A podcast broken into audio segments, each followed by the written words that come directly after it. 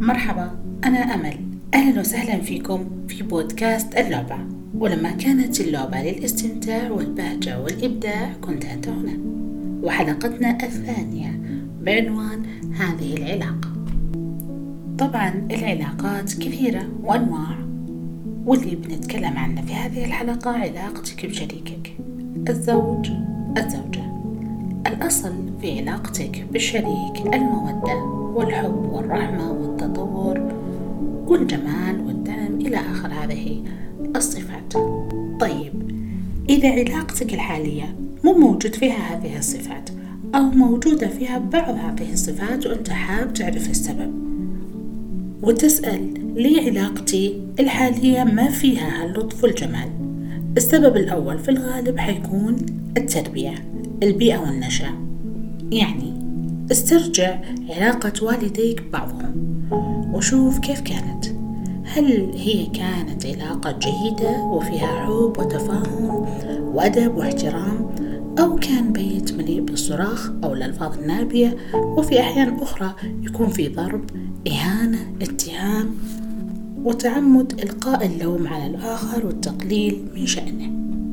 وعليه ستعرف ما تكون لديك من معتقدات وأفكار عن الحياة الزوجية وعن الرجل والمرأة. وأيضا ستعرف أنك الآن وعندما أصبحت شريك وفي علاقة ستكرر طريقة أبويك تماما.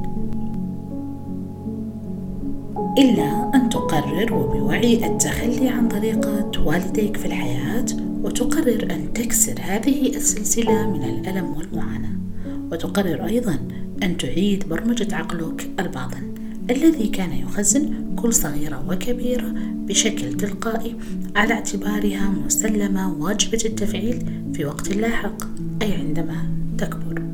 لا بد أن تقرر هذه القرارات حتى تبدأ حياة سليمة حياة جيدة وصحية. أنا قلت هنا وصحية وأقصد بها الصحة النفسية لأن العلم أثبت أن الأطفال الذين ينشأون في مثل هذه البيئات المضطربة يقومون بإعادة ما نشأوا عليه. الأم الضعيفة والمسكينة في الغالب جميع أطفالها مساكين وتؤكل حقوقهم ويكون استحقاقهم في الحياة أقل. وكذلك الأم الخائفة تربيهم على الخضوع والخوف. والأم الغاضبة تربي أبناؤها على التخبط وعدم الاتزان والتأنيب وكذلك الأب. حابة أنوه على شغلة الأب والأم يتصرفون هذه التصرفات بطريقة لا واعية يعني تعودوا عليها. وكذلك نحن إلا أن نعرف وندرك فنقرر التغيير. وتذكر أنت لست أباك أو أمك أنت إنسان مختلف تماما وتجربتك في هذه الحياة الدنيا مختلفة أيضا. أما السبب الثاني فهو لأن شريكك انعكاسك ومرآتك ويبين جانب منك. أنت ما تعرفه في الغالب عن نفسك. فمثلا امرأة تقول شريكي بخيل علي وكريم مع غيري.